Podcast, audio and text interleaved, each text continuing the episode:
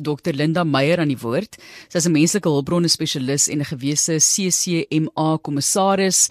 Sy weet waarvan sy praat en ons fokus nou op werkers se regte binne hierdie pandemie wat ons ervaar, COVID-19 en die inenting. Baie welkom Dr Meyer. Dankie vir die raad vandag. Goeiemiddag.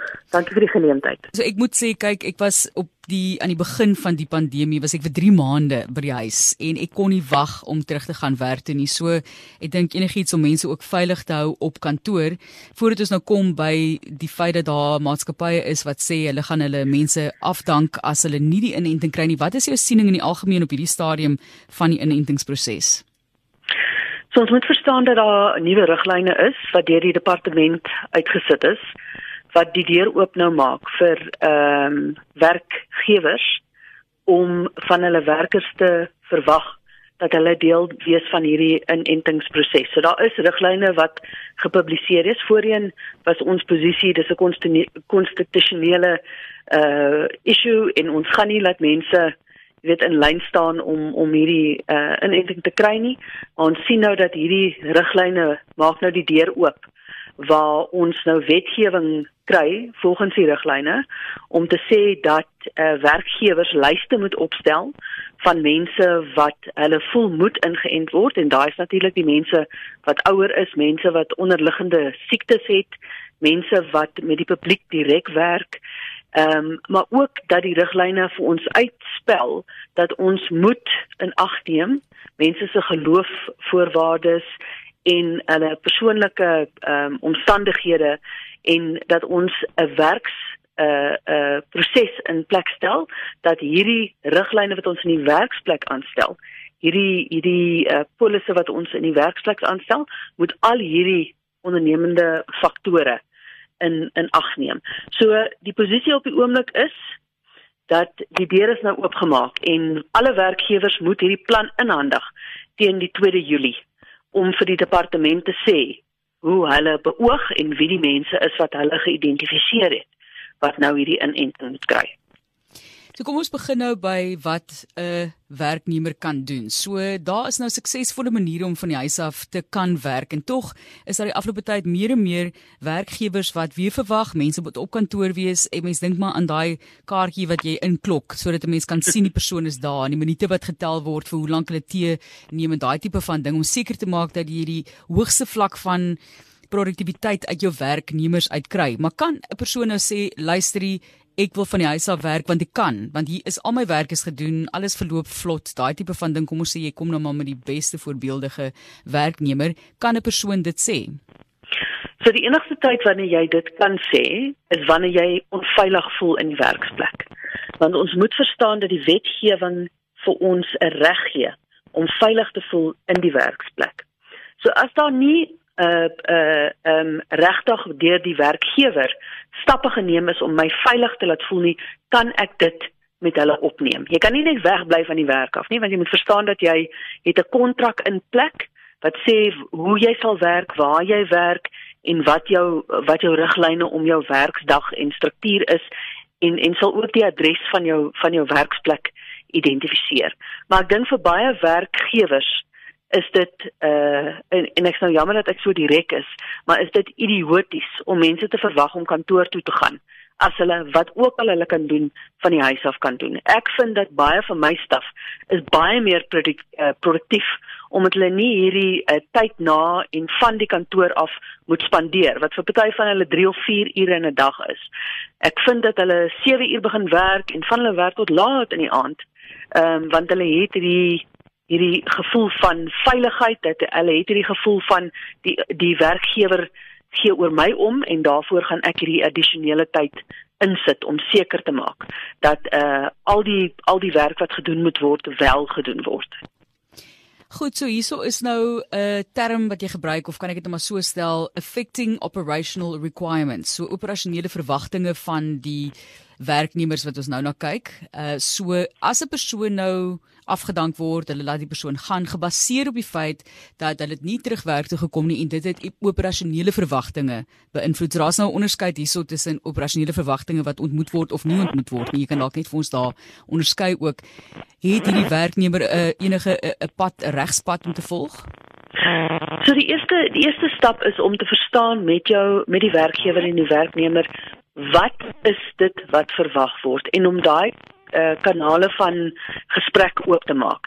Jy kan nie net as jy instruksie kry om terug te gaan werk toe net nie opdaag nie.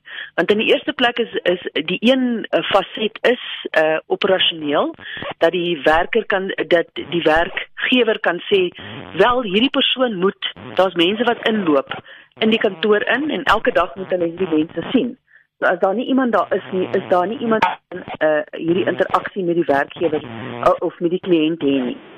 Die tweede deel van die operasionele uh gesprek is dan wat kan van die huis af gedoen word en wat kan nie van die huis af gedoen word nie. Maar die belangrike ding is net om daai kanale van kommunikasie oop te maak. Om seker te maak almal verstaan wat dit is wat verwag word en regtig kan hierdie werk van die huis af gedoen word of nie. En dis nie net oor operasionele uh faktore wat ons in ag moet neem nie. As die as die werkgewer 'n instruksie gee en dat jou kontrak dit ook um, uh, aan jou aan vashou, kan jy dit nie verbreek behalwe as daar byvoorbeeld nou iets is soos onder die die riglyne van COVID waar hulle sê dis dis vlak 4 of vlak 5 en niemand mag werk toe gaan nie. Want dan het jy natuurlike been om op te staan. Maar andersins kan jy ongelukkig nie net wegbly van die werk af as jy nie 'n uh, 'n uh, 'n uh, rede het om te sê ek voel onveilig nie. Daar is nie skerms nie, daar is nie handseep wat uh, uh, beskikbaar maak nie.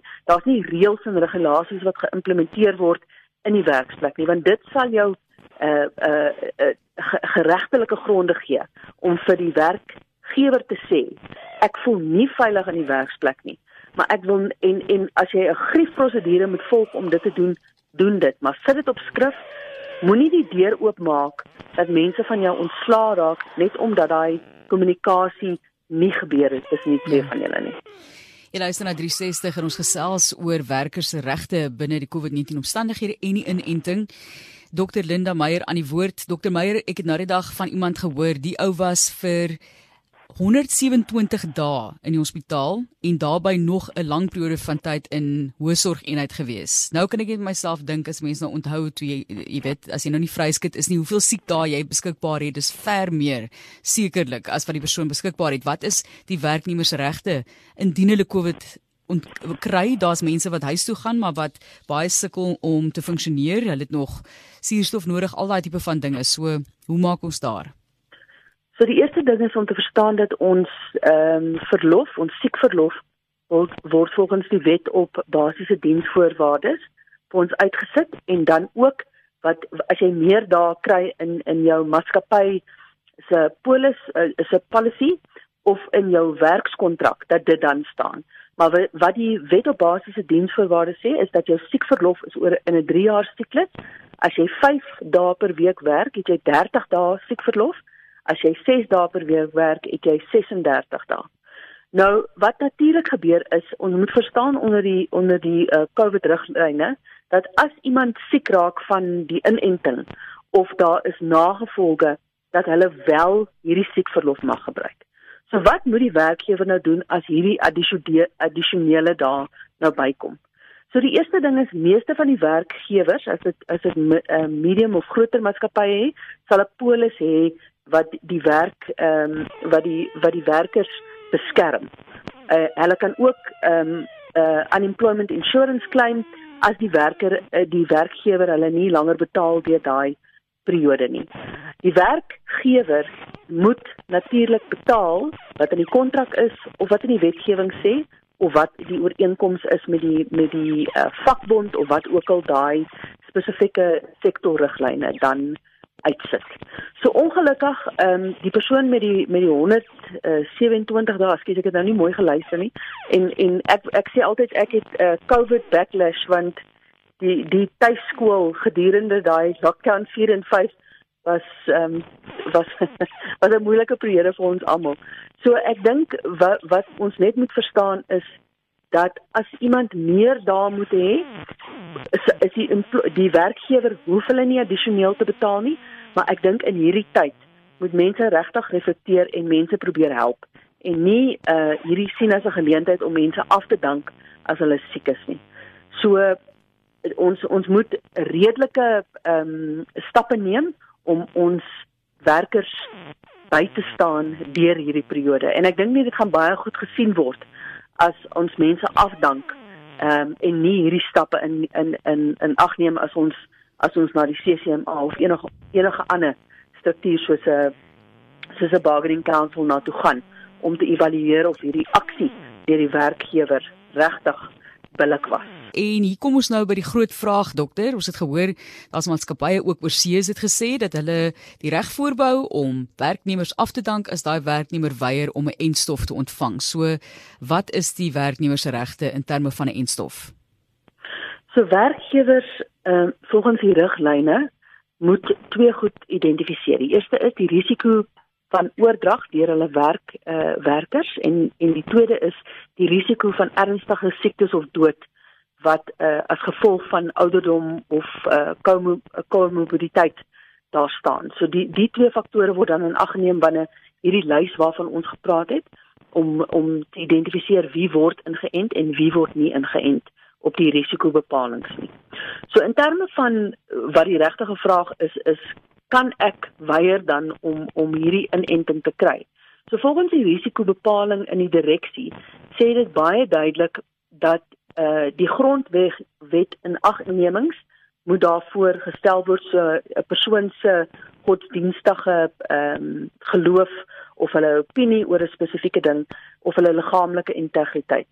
Maar as die werkgewer kan wys dat hierdie persoon weier om vir 'n 'n 'n mediese rede of vir 'n werklike rede ehm um, die inenting te kry, kan hulle daai prosedure dan in in werking stel om die operasionele struktuur van die maatskappy uh, dan aan te vat.